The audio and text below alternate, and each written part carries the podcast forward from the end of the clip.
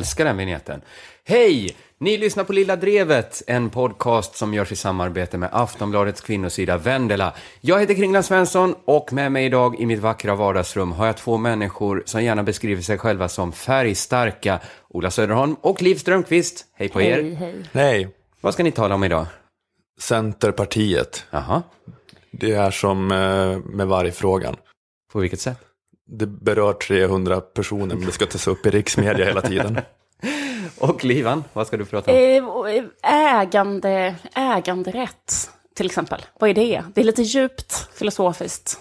Gud vad spännande. Ni hör ju att det Det här... lät så, sådär övertygad. Det är en, det är en som bara kan kommentera samtids, dag för dag politiken. Jag och en som håller på med lite mer politisk filosofi. Precis, ni hör, ni som lyssnar, det här är minsann ingen vanlig podd. Det finns här- spännvidd. Det finns det verkligen. Det är en podd, egentligen, vi avhandlar veckans nyheter på ett lite skojigt sätt. Och ibland lite djupa moralfilosofiska frågor. Det är Ja, som bra. eh, Leif Mannerström sa. Lite humor måste man ha. Visst är det så? Visst det. är det så. Det är kanske inte det bästa sättet att bemöta sexuella trakasserier i restaurangkök. Alltså med ett glatt humör som vapen. Men visst måste man få skoja. Och det ska vi göra idag. Det har eh, rapporterats om att barn säljer droger i Vårby. 40 barn tvingas av kriminella ligor att langa knark. Är det bra eller dåligt tycker ni? Tycker jag är dåligt. Dåligt? Ja, jag också, också det är Också dåligt. dåligt ja.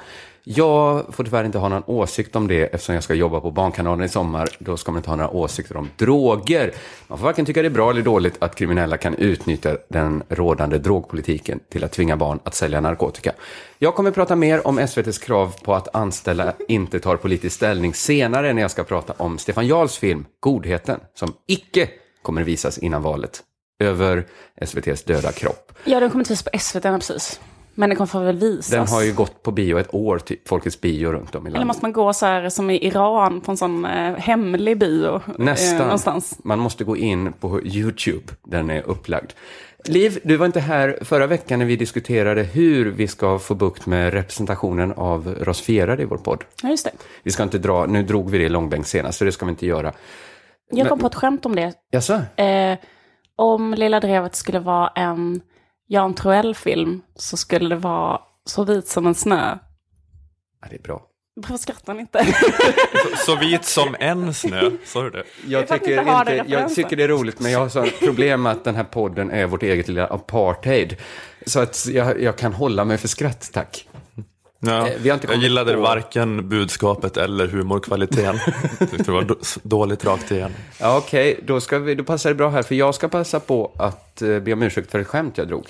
Jag ska passa på att be Kava Solfagari om ursäkt. Jag kallade honom antirasismens Bert Karlsson i förra veckan. Just det. Eh, det tyckte jag var lite kul. Jag tänkte det var kul att avståndet mellan Kava och Bert skulle skapa någon sorts komisk effekt. Men om, om Kava är antirasismens Bert Karlsson så är du bara Bert Karlsson. Är det det som är... Ja, ja, precis. Eller jag kanske är då det skojfriskas Bert Karlsson. Jag tänkte ju skämtet skulle vara lite att man lever på att kränga en vara. Att popularisera en vara och kränga den. Men då kan man egentligen säga att alla som typ frilansar är mm, Bert Karlsson. Ja, men livet Eller kanske- alla, alla, alla, alla, alla, som har, alla som har en näringsverksamhet. Är hashtaggen. Liv är kanske feminismens Bert Karlsson då. Just det. Vems Bert Karlsson är du, Ola? Norrlands Bert Karlsson. Norrlands Bert Karlsson. Nej, Jag tänkte liksom att Kava, liksom jag, jobbar med att ha åsikter om lite ditten och lite datten för att tjäna pengar. Men det förminskade såklart Kavas engagemang i anti- antirasistiska frågor. Och det ber jag såklart om ursäkt för. Det var lite klumpigt. Det kan också kludda liksom just, med, just när det är fråga om antirasism och Bert Karlssons liksom track record i sin politiska karriär. Kan göra, kan göra att man inte bara tänker på det entreprenörskapsdelen av det, utan att man Nej, nej. börjar tänka på För Bert mig är Karlssons- Bert Karlsson främst en skicklig affärsman. Ja, Och en mm. osjälvisk älskare.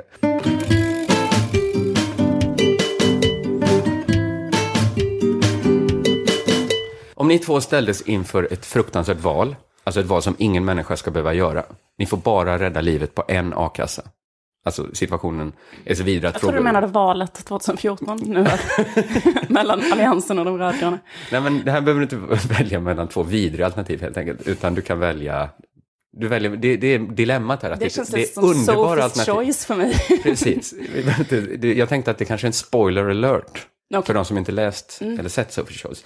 Ni får bara rädda livet på en a-kassa eh, på de andra a-kassornas bekostnad. Vilken skulle ni välja?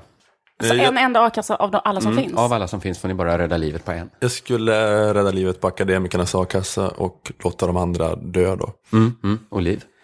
Eh, jag vet inte, måste jag svara? Nej, du Nej. måste inte. Eh, för att Du vill säga syndikalist.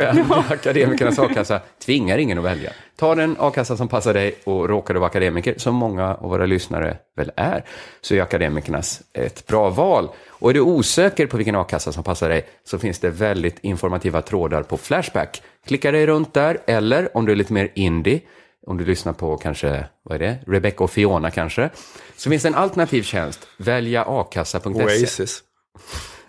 Du kanske, du kanske lyssnar på Oasis. Du solkar ner min reklam här för Ja, välja okej, ja, men så ta, ta det akassa.se. där från början. Du sk- ta den meningen från början. Nej, nej, nej. Nu kör vi här. Välj akassa.se, en tjänst från Akademikernas.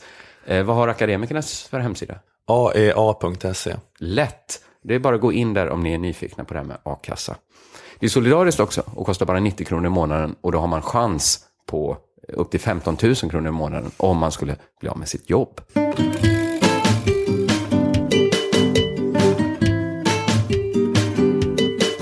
Ja, hörni, en eh, högprofilerad centerpartist eh, lämnade Centerpartiet i veckan. Ledtråd, han är syntare. Eh, Det är för svårt. Det Eller han så många. spelar, han spelar synt. Det kanske inte automatiskt gör en till subkulturens syntare. Inte nu längre tror jag. Ja, okej. Han växte upp i Motala. Han var kristen i de tidiga tonåren. Han var satanist i de sena tonåren. Sedan 1992 bekänner han sig till zoroastrianismen, den äldsta monoteistiska religionen. Just det. Han har bland annat arbetat som artist, låtskrivare, författare, filosof, prostituerad och icke-legitimerad psykoanalytiker.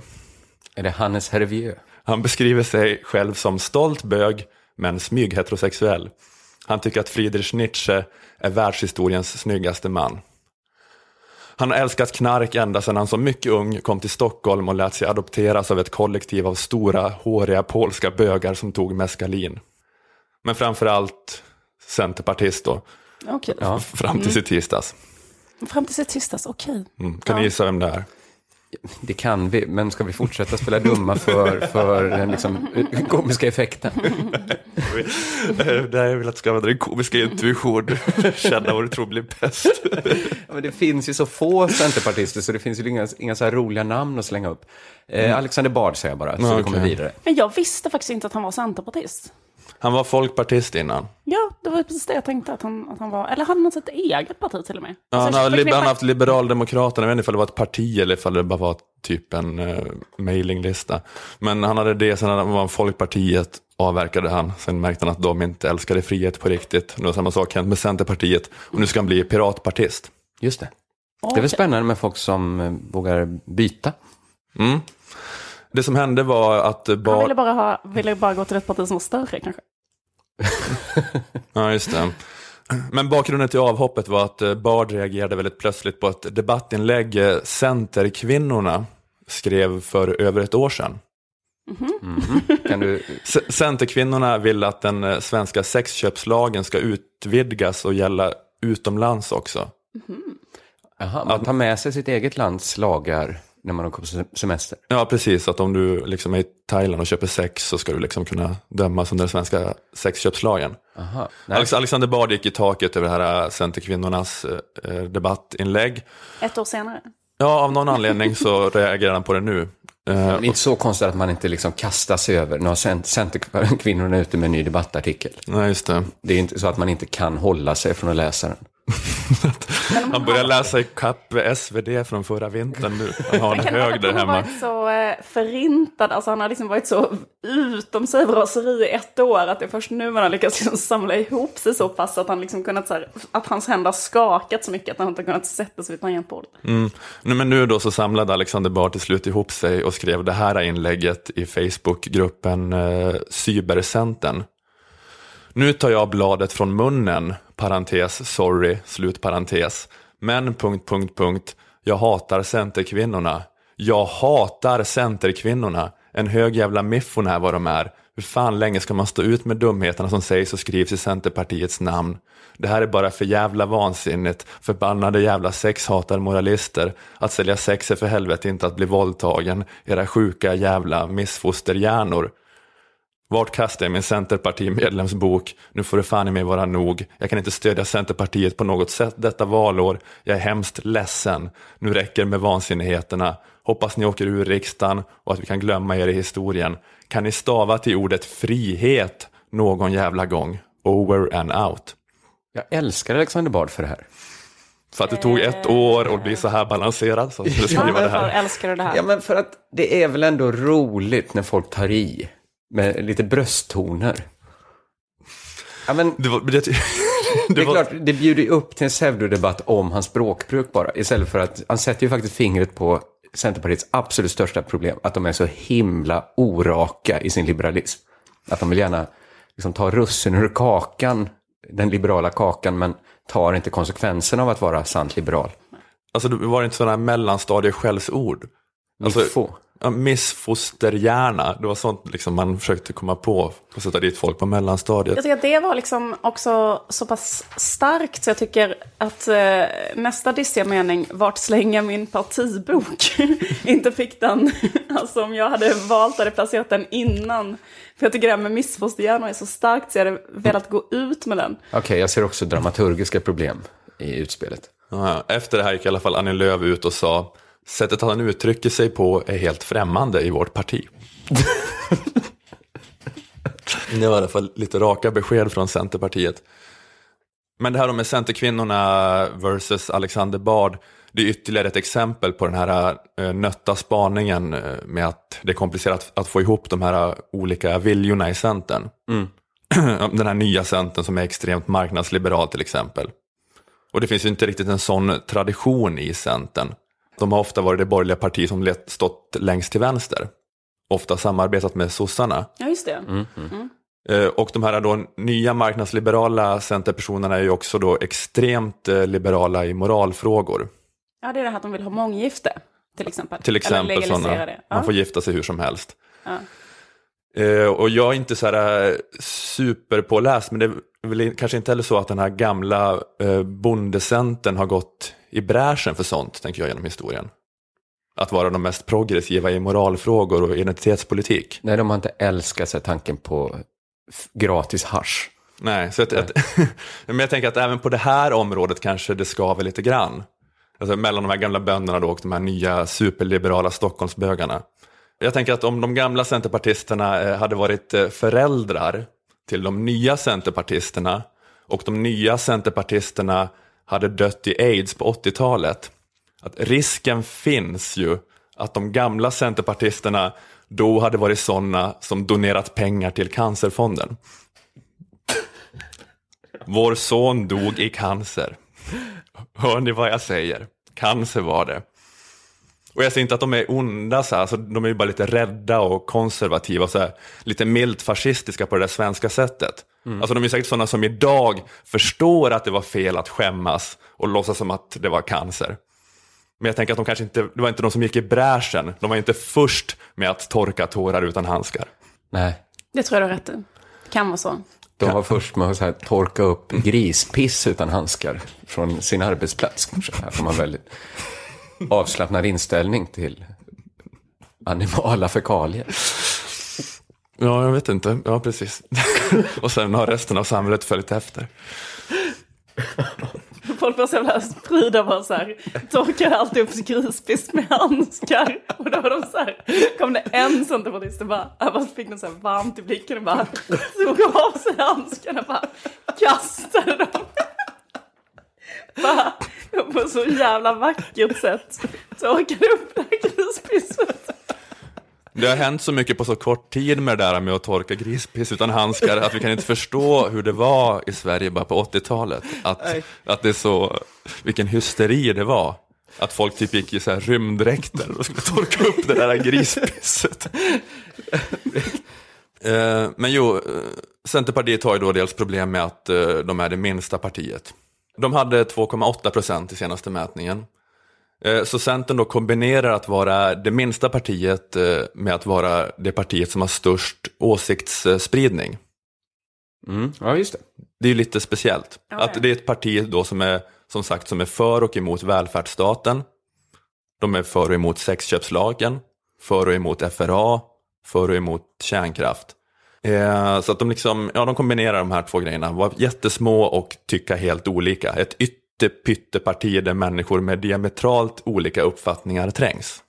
Ja, det kunde ju ha blivit ett parti för alla ju. Eftersom de täcker ju in allas åsikter då. Ja, men jag tänker också lite grann att det är på det här viset kanske Centern ändå uppfyller sin eh, klassiska uppgift att vara landsbygdens parti. Eh, Eftersom att Centern blir en metafor för hur det är att växa upp på landsbygden i en liten håla. Att man måste umgås med människor som man inte har något gemensamt med. Just det. För att i en storstad behöver man ju bara träffa de med samma intressen, alltså de som är i samma subkultur. Men i hålan är man ju den enda syntaren. Så då umgås man också med svennarna och hårdrockaren och raggaren och hiphopparen och den som har snöat in på K-pop. Just det, det är alltid så här, ah, nazister umgås med invandrare och sådär. Så är det alltid. Eh, Och det här har ju då alla missat när de säger att eh, Centern har blivit otydliga och förlorat sitt syfte. Att de ser inte hur fint eh, Centern företräder landsorten på det här viset. Att, Nej. att när Alexander Bard går med i Centern handlar ju om hemlängtan. Han vill uppleva hur det, igen hur det var att vara Alexander Bard i Motala. Vilken fin bild. Ja, han Jag är, tycker Centern ska anställa dig. det, det är det hyll, Talskrivare. Precis. Ska bara tajta till det här lite. Så, Tycker jag inte. har vi det. Ja, men det är en hyllning till den svenska hålan när Alexander Bard och Eskil Erlandsson sitter och försöker skriva ett partiprogram tillsammans.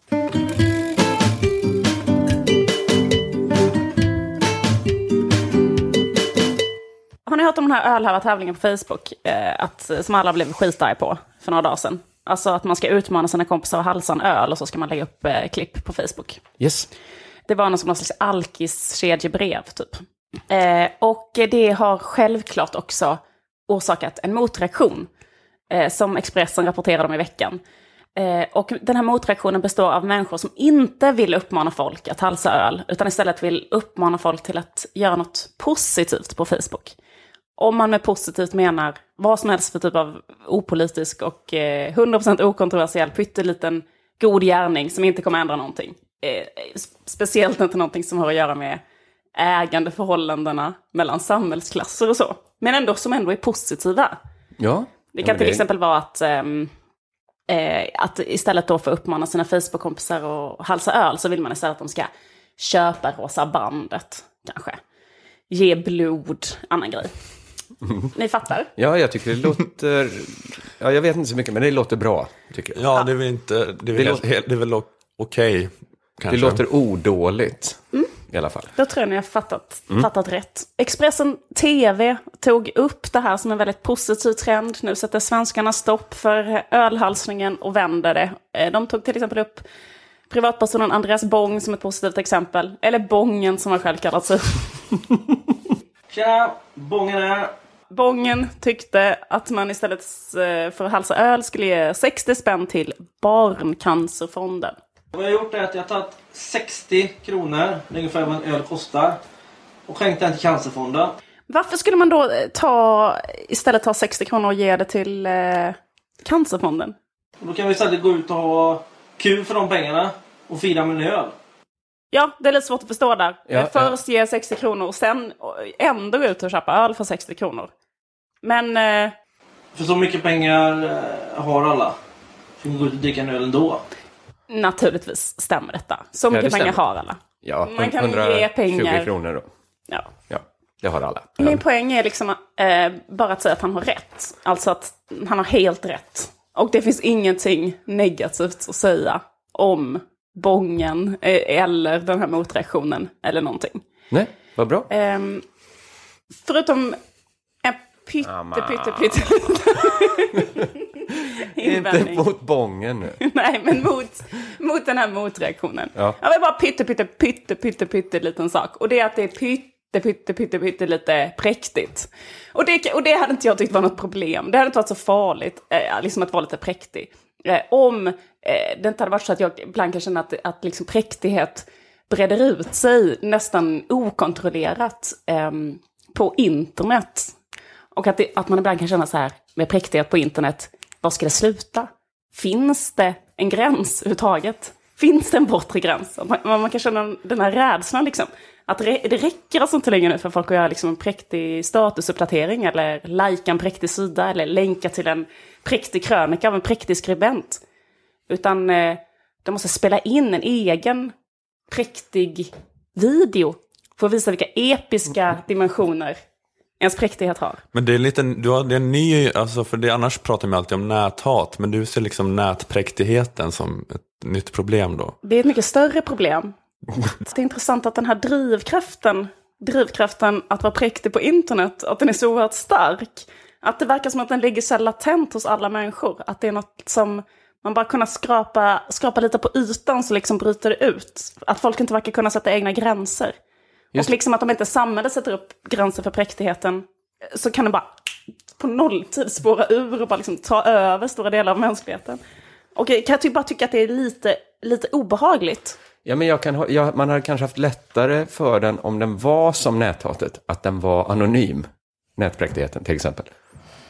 Bra spaning. Ja, tack. Men, men sen tänkte jag så här, ehm, liksom att, att det kanske, man kanske kan tänka på, på alltihopa liksom på, på ett annat sätt. Alltså att man måste kanske acceptera att det kanske är ett så starkt grundvillkor i den mänskliga naturen. Alltså att det är någon sån mänsklig urkraft, att man liksom vill hitta mat och ta hand om sina avkomma och vara präktig på internet. Att det är så liksom att, att det kanske också är positivt, att det finns en positiv kraft i det. Att det har gett oss människor en drivkraft att liksom utvecklas. Men hur, hur yttrar sig den här präktigheten? eh, Är det dels att man så här, stoltserar med att man har skänkt pengar till välgörenhet? Är det, och är det så här, bara att man säger präktiga saker? Att- Att man skriver något sånt? Jag tycker att man vill visa att man har tänkt rätt. Ja, då är jag helt med dig. Jag, jag samtalar varje dag på Twitter numera med människor som vill visa att de tänkt rätt. Jag vet inte om jag... Eh, De är otroligt enerverande.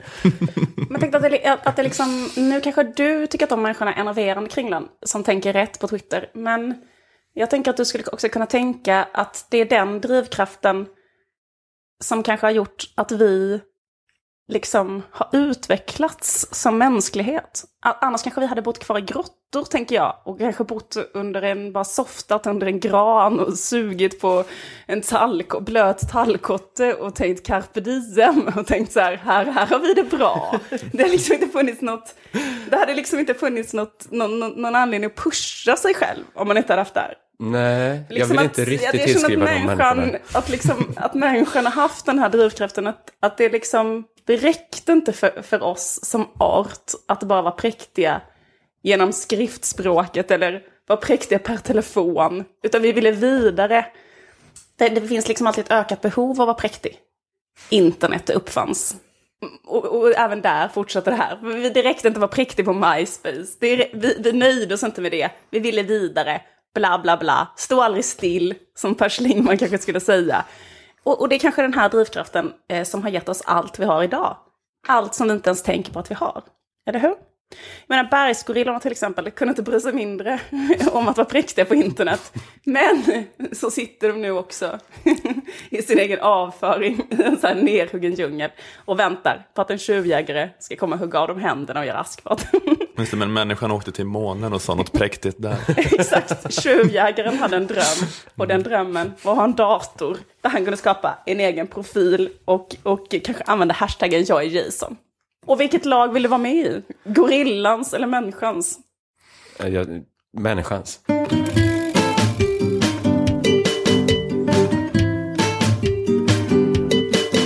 Eh, Jag har tittat på Stefan Jarls dokumentärfilm Godheten. Hur då går det att göra det? Eh, Det går, den finns utlagd på internet. Det är alltså en dokumentär om vår tids girighet, höga bonusar, bankernas roll i finanskrisen, sånt man diskuterade för ett par år sedan, innan Blondinbellas feminism blev allas viktigaste fråga. Eh, den här filmen har blivit föremål för debatt eftersom SVT stoppade filmen. För att SVT vill att det ska vara lite mer som i Nordkorea. Eller SVT stoppar den eftersom Stefan Jarl vill att det ska vara lite mer som i Nordkorea. Det är lite rörigt beroende på vem du frågar. Klart är att någon, kanske alla, vill att det ska vara som i Nordkorea. Eh, Stefan Jarl berättar själv här vad filmen handlar om. Den handlar om sånt som vanligt folk pratar om och diskuterar. Det som du nämnde alltså, dyrkan av mammon, girigheten, egoismen och eh, bankernas utdelningsorgier. Det är det här som SVT då vill eh, censurera. Som man gör i Nordkorea, där censurerar man. Och Stefan Jarl vill att samhället ska vara mer som 1975, alltså som det är i Nordkorea idag typ. Bakgrunden då, eh, jag vet inte om jag har koll på den. Du vet inte hur det var 1975, Ola? Nej, nej, nej. Nej. Bakgrunden till det här då bråket är att SVT köpte visningsrätten men inte vill sända den innan valet för att den är politisk en, politiskt enkelspårig. Och det är den. Stefan Jarl menar att den inte är partipolitisk. Det är den. Eh, Stefan Jarl vill nämligen att 1975 års socialdemokrater ska vinna valet.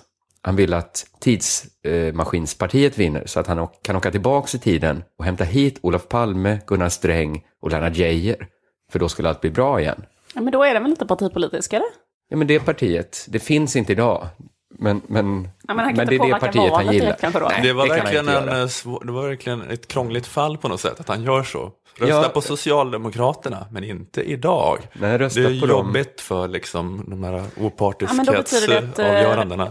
men då betyder det att, eh, opartiskhetsavgörandena. Betyder det att rösta på Vänsterpartiet ju. Det är ju Socialdemokraterna 1975. Ja, men det kanske, ja, men det var kanske bra. Det är det han vill ha. det är inte. Ja, men så kan det vara. Så, 85 så kan det vara. Mest av allt tror jag att Stefan Jarl vill att Palme stryker honom över pannan och viskar med sån här het, lite fuktig utandningsluft att allt kommer bli bra. Vi ska fortsätta bygga ett starkt folkhem. Filmen börjar med att skådespelaren Tommy Berggren, det glömde jag säga, han är med.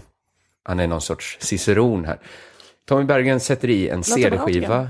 Ja, ja, ja, ja, men allt är ju lovande. Det är Stefan Jarl som gjort den, det är Tommy Berggren som spelar. Eh, Det är förvirrad Palme-nostalgi. Som Vem kunde ana att det har skulle ingen spåra- aning om. Totalt frikopplat från den verkliga personen Palme, bara, bara någon gammal Absolut. gubbes romantiska fantasier. Ja. Ja, men om Palme var en staty i Nordkorea så, så hade det varit den, den, den Palme som de älskade. Det börjar med en jättelång scen när Tommy Berggren sätter i en CD-skiva och lyssnar på ett tal av Palme från 1975. Eh, Det gör han varje dag. Den här gången råkade Stefan Jarl vara där med sin kamera och fick honom på band. Tommy Berggren hummar och smackar förtjust i takt. Sen berättar Tommy Berggren olika, nu drar jag bara filmen här så ni Ja, inte har ja, sett den. vi, ja, absolut. Eh, Tommy Bergen berättar sen olika anekdoter om hur han snäste åt sina kompisar som jobbar på bank. Han berättar att han snäste åt olika kompisar inom näringslivet för att de klappar takten till Power to the People på Polarprisgalan. Ingen, efter att ha sett den här filmen, kan ingen säga att Tommy Berggren inte har snä- snäst åt sina rika kompisar. Och så här, när vi skojar ibland om hur satir kan vara, eh, när den inte är så himla bra, så brukar vi säga att man ritar en gris med en cylinderhatt och skriver bankdirektör under. Det greppet jobbar Stefan Jarl och Tommy Berggren jättemycket med. Så jag sa ju i ett program där jag inte försökte vara så allvarlig om så frågade en reporter mig om det finns något kännemärke för den här girigheten. Och då sa jag att det gör det fast det är ingen som vill tala om det. Det är att det växer ut en liten knorr, svans, i röven på dem. Eh, ja, det växer ut en knorr på de som är giriga. Han har många varianter på det. En tant på Enskilda banken måste ha vida byxor så att inte knorren ska synas. Det pågår ett tag med den här uppfriskande liknelsen. Och det, har man Tommy Berggrens leverans behöver man inte ha, det behöver inte materialet vara så starkt. Ja, han är jättestark Han leverans. säljer ju ganska saker som är enkla på papper. Precis. Eh, men vi kan bara fortsätta lyssna, eh, för han är ute och agerar i verkligheten också i sin roll den girige. Han iklär sig eh, sina meningsmotståndares alla personlighetsdrag. Eh, som den girige går han och köper klockor. Ja, men tar vi en sån. En sån liten. Det är en Breitling det, eller vad heter han? Mm, det ljudet ni hörde där, boinget, det var ljudillustrationer av knorren som växer ut på Tommy Berggren. Han får en egen knorr för att han är så girig. Aha. Så de, eh, det blev som en, de jobbar vidare med det greppet. Gris, ja, ja, gris, det är det greppet. greppet, Är det liksom en någon slags spelfilm blandat med, eller liksom dokumentär? Nej, den är nog rakt igen dokumentär. Eller det är lite spelepisoder då när Tommy Bergen köper, han köper klockor för 450 000. Jag antar att han inte gör det på riktigt då. Så det är väl spelet. Antar jag. Nej, han låtsas vara den som köper en klocka för 450 000 och sen så växer ut en Nej, på då är han ju i karaktären den girige. Men då blinkar det också en text där det står parodi i, i bild. Så att man inte ska... dokumentär, alltså det låter inte så dokumentärt att det växer ut en grisknorr på Tommy Berggren. Nej, det, är ett, det är ett konstnärligt grepp mer. Som sticker ut lite faktiskt i det annars dokumentära. Mm, jag förstår. Men den girige, det finns ingen mask och peruk eller så, utan det är ju Tommy, man ser ju att det är Tommy Berggren. Eh, Även om han är en skicklig skådespelare och får en att tro att han är så girig. Men, men den innehåller, till filmens försvar ska man säga så här, den innehåller jätteintressanta intervjuer med olika människor. Men också mycket Tommy Berggren som lufsar runt och gör den här analysen om grisknorr. Eh, Tommy Berggren talar med bönder på lite småkorkade bönders vis. Det blir en märklig clash med de här eh, professorerna i nationalekonomi som ska, som ska uttala sig, och Tommy Berggren. Eh, för alla de här eh, människorna pratar ju långsamt och viktigt om svåra saker som en teaterregissör försöker översätta åt eh, oss som ska se den då, så att det inte blir obegripligt. Jag kan eh, illustrera här med en bit ur filmen eh, så ni förstår. Det finns den här Occupy Wall Street-rörelsen som talar om vi är de 99 procenten.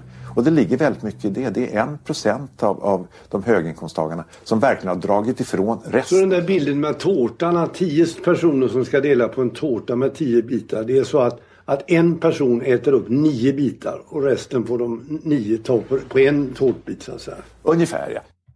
Ni vet, komma där med procent. Vanligt folk hänger inte med. 99 procent, vad är det? Det är en niondel. Men det här känns ju ändå, det här tycker jag känns som väldigt intressant. Eh, att, alltså bara se eh, filmen Tommy Berggren lyssnar på en annan människa. Och Att, att översätter. det försöker, försöker höra vad någon annan säger. Ja, men vanligt folk, det blir så Spännande. abstrakt så man får ta ner det på tårtnivå. Så 99 procent eller en niondels tårta, det är ungefär samma.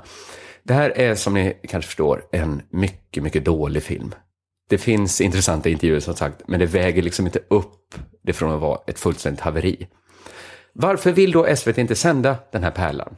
Är sprängkraften för politisk? Jag lyssnade på en debatt mellan Sabina Rasivala, kommunikationsdirektör på SVT, och Stefan Jarl. Mellan raderna insåg jag då vad det är som har hänt. Nej men alltså varför köper eh, eh Sveriges Television in visningsrätter på den och de har haft sen i somras på sig att visa filmen. Kunde väl visat den i höst då eh, i så fall. Ja, det är ju Och så att vi har man. väldigt många intressanta program och och ett stort brett utbud att visa. Och vi har ju köpt visningsrätt, eh, vilket innebär att vi har inget ägande i filmen, vi har ingen del av intäkterna. Och vi köpte den här visningsrätten innan filmen var färdig. Aha. SVT köpte grisen i säcken. De litade på att Sveriges bästa skådis och Sveriges bästa dokufilmare skulle kunna snickra ihop något sändningsbart. Det här är bara min tolkning nu. Men för att slippa säga att Stefan Jarls film går inte att sända. Det, det, alltså det spelar ingen roll hur mycket valår det är. Så säger man att den är lite för politisk. Men liksom SVT sänder ju ändå eh, Hela Sveriges fredag, eh, till exempel, gladeligen. Ja, men det är väl bra i sin genre antar jag. Men Det, kanske är den genren det är fel på. Men jag fattar inte varför Stefan Jarl är upprörd då, för att de ger ju honom en, eh, det är mycket, alltså, Det är värdigare för Stefan ja, det är Jarl. mycket bättre att bli censurerad än refuserad. Han ska ju bara tacka för det här köttbenet som Han ska har fått. backa ut ur rummet på så mjuka fötter som möjligt. Eh, men jag tycker bara, ha det i åtanke när vi lyssnar på hur debatten går sen. Hade man inte kunnat lägga en debatt till exempel efter den här filmen? Om man nu är orolig för att, att det bara är en typ av åsikter som kommer fram. Ja, den diskussionen fördes faktiskt, men vi ansåg ändå att vi inte hade tillräckligt utrymme för att ta hand om den. Eh, och det att hade vi kunnat bli en spännande debatt. Det tycker jag med. Det hade varit en jättespännande debatt om hur dåliga filmer SVT får visa. Det, det hade jag tyckt varit spännande. Eller? Hade inte ni tyckt? Det varit kul att höra. Hade, hade publiken inte klarat att se det? tror absolut att vår publik är kapabel att bedöma eh, innehållet i en sån här film. Men varför chansa? Det finns kanske de som inte klarar att se en alldeles för dålig film. Stefan Jarl avslutar diskussionen på absolut värdigaste sätt, riktat mot Sabina Rasivala. Att, det- att du får säkert ökad bonus nu när du har lyckats förtrycka yttrandefriheten med ditt gedigna arbete. Vi får, vi har faktiskt inga bonusar på Sveriges Television. Stefan Jarl, Ja, så, så är det med det. Men eh, Men det är väl bra att han får leva i den här villfarelsen att han är så obekväm som konstnär.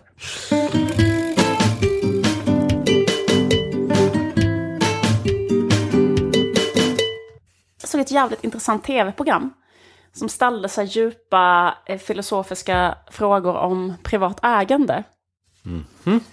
Var det godhet? Nej, den har inte visats. Det var Antikrundan. Antikrundan Visby. Missade den. Det var så här att en oerhört gammal gubbe kom till Antikrundan för att träffa en oerhört ung gubbe. Antikexperten Magnus Bäckshed. Eh, varför ville den här oerhört gamla gubben träffa den oerhört unga gubben? Jo, för han ville veta vad en sak var värd. En sak som han ägde. Vad var det då för sak som han ägde? Jo, han ägde ett dräktspänne i brons från år 1000. Oj. Kan det verkligen vara så att han kom dit denna dag med ett dräktspänne i brons från år 1000? Kan det verkligen vara så att du har kommit hit idag med ett dräktspänne i brons från omkring år 1000? Ja, det är sant. Okej. Och det chockar inte bara antikexperten. Att han kom dit med något som är så jävla antikt. Utan det chockade även Sveriges arkeologer. Som har reagerat när de har sett det här. Arkeologen Anna Schelin skriver så här på arkeologibloggen. Sådana här föremål är ovärderliga. De tillhör staten och oss alla och ska enligt lag lämnas in till Länsstyrelsen av den som hittar dem. Mhm, ja. Visste ni det? Det visste jag inte, men det låter kanske rimligt. Jag vet inte. Hon skriver så här, eh, de flesta föremål som hanteras utanför museerna kommer från plundring av gamla gravar, som är ett jättestort problem. Framförallt på Gotland. skriver faktiskt också. Mm, det kan man tänka sig. Ja, nu insinuerar inte jag, och inte heller faktiskt den här arkeologen, ingen insinuerar att liksom just den här gubben eh, har liksom själv plundrat en grav. eh, för det har han inte, eh, uppger Antikrundan. Eh, den här gubben har bara kommit över det här dräktspännet på ett helt vanligt, eh, socialt accepterat och legalt sätt att komma över eh, ekonomiska tillgångar eh, i det här samhället. Nämligen eh, om de ekonomiska tillgångarna redan har varit i ens släkt länge. Okej. Det har varit i, i släkten länge. Det har varit i släkten länge. eh, jaha, det kanske har varit där ända sedan bronsåldern får man ju anta då. Att det har ärvts från gubbe till gubbe. skrynklig gammal gubbhand till skrynklig gammal gubbhand. Precis likadant som alla ekonomiska tillgångar på hela planeten förpassas ju på det här sättet. Eller, vi frågar gubben, när fick din släkt det här dräktspännet? Var det på bronsåldern? Ja, det var i mitten på 50-talet. Okej. Ja, det var mitten på 50-talet. Men då är det ändå lugnt. Då har det inte så mycket att göra med eh, en så pass socialt oaccepterad sak som gravplundring. Utan det har mer att göra med en mer socialt accepterad sak, nämligen arv. Att ha en pappa som är gravpilot. ja, för att alltså grejen är att eh, Alltså jag vill inte liksom fördjupa mig i det, för det är inte det som är egentligen poängen med att prata om det här. Men eftersom sådana dräktspännen är bara, alltså det är en sån slags spänne som man begravs i. Aha. Eh, Så därför måste det någon gång, alltså det är någon som har snott det från en grav. Men eh, varför ska man vara petig med sånt? Nej. Nu är det gubbens. Och det här är inte min poäng. Nu ska vi prata om det som är intressant i Antikrundan. Något som alla tycker är intressant. Nämligen, vad är ett sånt här fantastiskt föremål värt? Vad är ett sånt här fantastiskt föremål värt? Ja, det är det som är intressant. Det är det som är det intressanta, mumlar. Och man kan ju inte annat än att hålla med. Eh, eh, det måste alla hålla med om. Verkligen antikvarien eh, eh, Magnus Bäckshed, han måste också hålla med om det en extra gång. Visst är det intressant? Oj, vad rösten sprack av. Han tycker det är så intressant så han, så han eh, rösten spricker. Exakt. Intressant, eller hur? Vad är det värt? Det är ändå tusen år gammalt. Och den här arkeologen bloggade ju om att det var ovärderligt, eller hur? Ja. Men Alltså så alla jordens pengar räcker inte till? Nej, det är Nej. det han borde säga. Hela jordklotets naturtillgångar räcker inte. Men vad säger Magnus Bexhed? Svårt att sätta ett värde. Jag sätter det till cirka 50 000 kronor. Det, jag tycker som att det är lite av ett antiklimax. Ja, Att det bara är värt 50 000, är inte det så lite? Tänk dig att spara en grej tusen år, att det är så dålig avkastning. Du får bara 50 kronor om året för att förvara det. ja, och det ingår ju också här att man har hängt ut sin släkt som gravskändare. Alltså, ja, precis. Det är ju också en kostnad för, en privat kostnad ändå. Jag tänker att det finns så, ändå rätt så många sätt att komma över 50 000 som är lättare. Eller jag vet inte vad jag ska säga, men det är klart att det är mycket pengar på Ta ett sätt. Varför söker de inte bara stipendier som jag gör? Varför gör han inte bara ett företagsgig istället? Ett företagsgig kan han ta. Ja, men, alltså, det är klart att det på ett sätt är mycket pengar, men jag bara menar att, liksom, att man behöver kanske typ dubbelt så mycket bara för att liksom, använda som kontantinsats till en skabbig 70-talslägenhet i Gröndal. Det är inte vad jag skulle kalla ovärderligt, det är min enda poäng. Men det är här jag tycker liksom att Antikrundan lär oss någonting om privat ägande. För om det är så, som den här arkeologen säger, att spännet är en del av vår historia och tillhör oss alla och borde vara på ett museum och bla bla bla. Generationer av människor hade kunnat gå dit och förstå något om, om mänsklighetens historia och så vidare. Om det hade varit alla, alla människors spänne så finns det ett extremt högt värde i det här spännet. Ett värde som inte ens går att räkna i pengar. Ett ovärderligt värde. Ja. Om spännet däremot ligger i en skrivbordslåda hos en gubbe på Gotland som inte ens visste vad det var faktiskt. Han frågade så här, är det en mantel? Ska man ha det till en mantel? Nu när han vet att det är ett mantelspänne, då kanske han kan ha det till en egen mantel. eh, men om det ligger i en låda hos den här gubben, då är det värt 50 000. Mm. Annars ovärderligt. Annars ovärderligt. Jag vill bara liksom måla upp det här som en liten tavla. Som alla kan. Jag vill inte säga någon slutsats. Jag vill bara att vi ska titta på den tavlan om privat ägande. Som, en, som att ett konstverk. Det här avsnittet av Antikrundan. Kan du, kan du inte ge någon ledtråd om vad slutsatsen kan vara? Jag tycker så här att spännet tillhör alla, men jag kan tänka mig att avstå min del. För det blir så himla lite om alla ska dela på ett spänne. Men tänk om det hade varit så här, typ att om jag hade hittat Bockstensmannen så ska det vara så här. Jag kan bara, jag tycker det är kul att ha, så här, visa vilken ironisk rolig tjej jag är som håller Bockstensmannen hemma. Servera vin i Bockstensmannens huvud och sånt. Så jag är så jävla skön. Jag har så här roliga grejer hemma. En mugg med rolig text om Bockstensmannen. Jag tycker det är fel.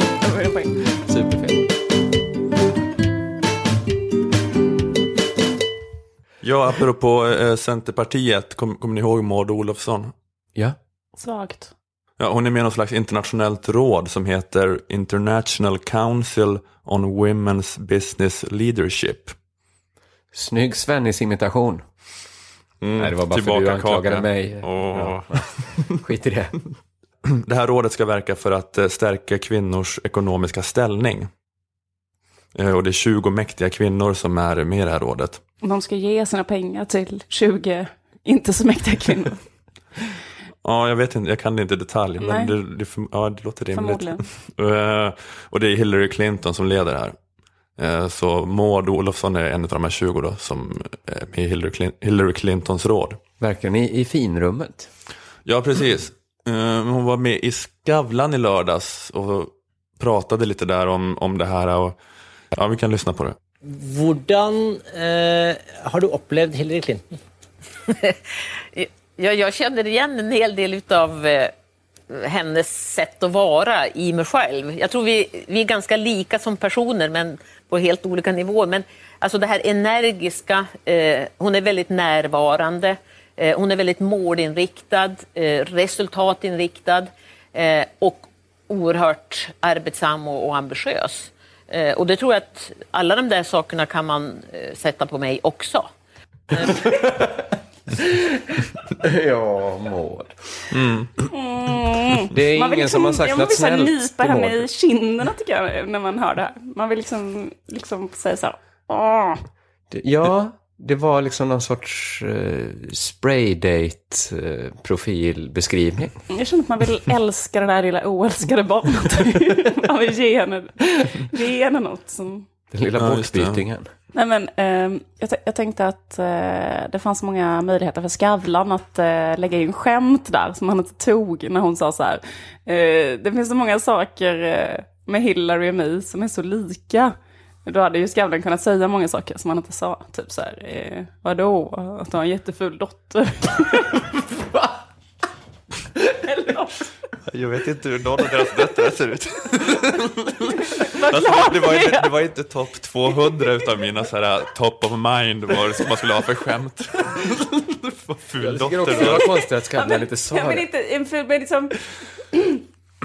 eh, ja, men typ så här. Eh, eh, eh, att en man ligger med sina anställda. Fattar ni? Fattar. Hon var precis som sånt jävla frågetecken. ja, men om hon skulle säga så här. eh, Det är sånt upplägg för att säga något dissigt ju. Jag, Ja. jag och Hillary är så himla lika. Ja, på vilket sätt då? Eh, för att era män knullar med assistenter? Eller för att... Eh, Han kunde varit för att, du har fin, där. för att du har förlorade, för att du aldrig har blivit statsminister. För att, eh, Ja, eller vet för att du- ingen vill ändå rösta på dig. Men. Eller, eller, vet, du- så här, vet, du vad jag intervjuade, eller vet du vad jag intervjuade Hillary och hon sa exakt samma sak om dig. Ja, Det hade ju kunnat vara en bird. det har varit ett annorlunda program då, Skavlan. Ja. För de jobbar väl inte så mycket med så här. Nej, de jobbar, inte, de varandra. jobbar inte sådär med att sk- skjuta ner sånt här lite pompöst snack. Men just i det här fallet kanske man hade, just, just där och då hade man kanske önskat att det var lite mer ro- mer roast. här, en man utan ben och armar ska berätta för P Diddy hur livet är. Och så säger man inget taskigt om han utan ben och armar. Utan det, det är bara, så är programmet. Du sitter där och bara kokar. Han har ju inga ben och armar. Jobba med det här för fan. Sitter och kringlar framför skallen. Jag måste... Det är sådana jävla upplägg du missar. Nej men, ja. Ja men han, han kunde ha sagt, eh, men hon är ju eh, världens näst mäktigast, näst mest mäktiga människa och du är ju ingenting. Ja, det, är, det, är inte så Det är finessrikt. inget Men skämt det är ju direkt. tillräckligt elakt Det är liksom bara elakt och inte ett skämt. Det tillfredsställer Livs blodtörst. Då hade man lika gärna kunnat liksom putta henne hårt i magen. Ja, varför slog han inte? Bara inte säga någonting, bara liksom boxa henne. så här. Som tappar luften. Så där var det Sen följer två och en halv minut när, när Maud sitter och a- försöker få tillbaka luften. Och Skavlan säger ingenting.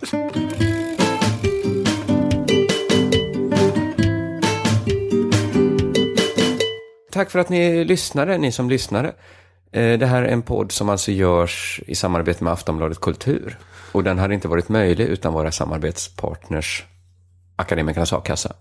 Görs den, den, de är lite halvintresserade av den här podden, Aftonbladet Kultur. Ja, Den, den görs mest för iTunes och så podcast.nu. Sen så kanske efter ett tag också kommer den upp på Aftonbladet Men är, de har lite samma inställning som SVT har till godheten kanske? Att de gav oss det här löftet och nu, Ja, nu gömmer de oss bakom någon uh, Göran Greider-artikel.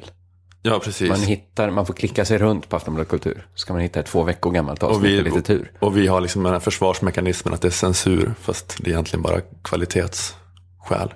Ja. Eh, Men fortsätt gärna lyssna och vill ni oss något så använd hashtaggen lilla drevet som ett ord.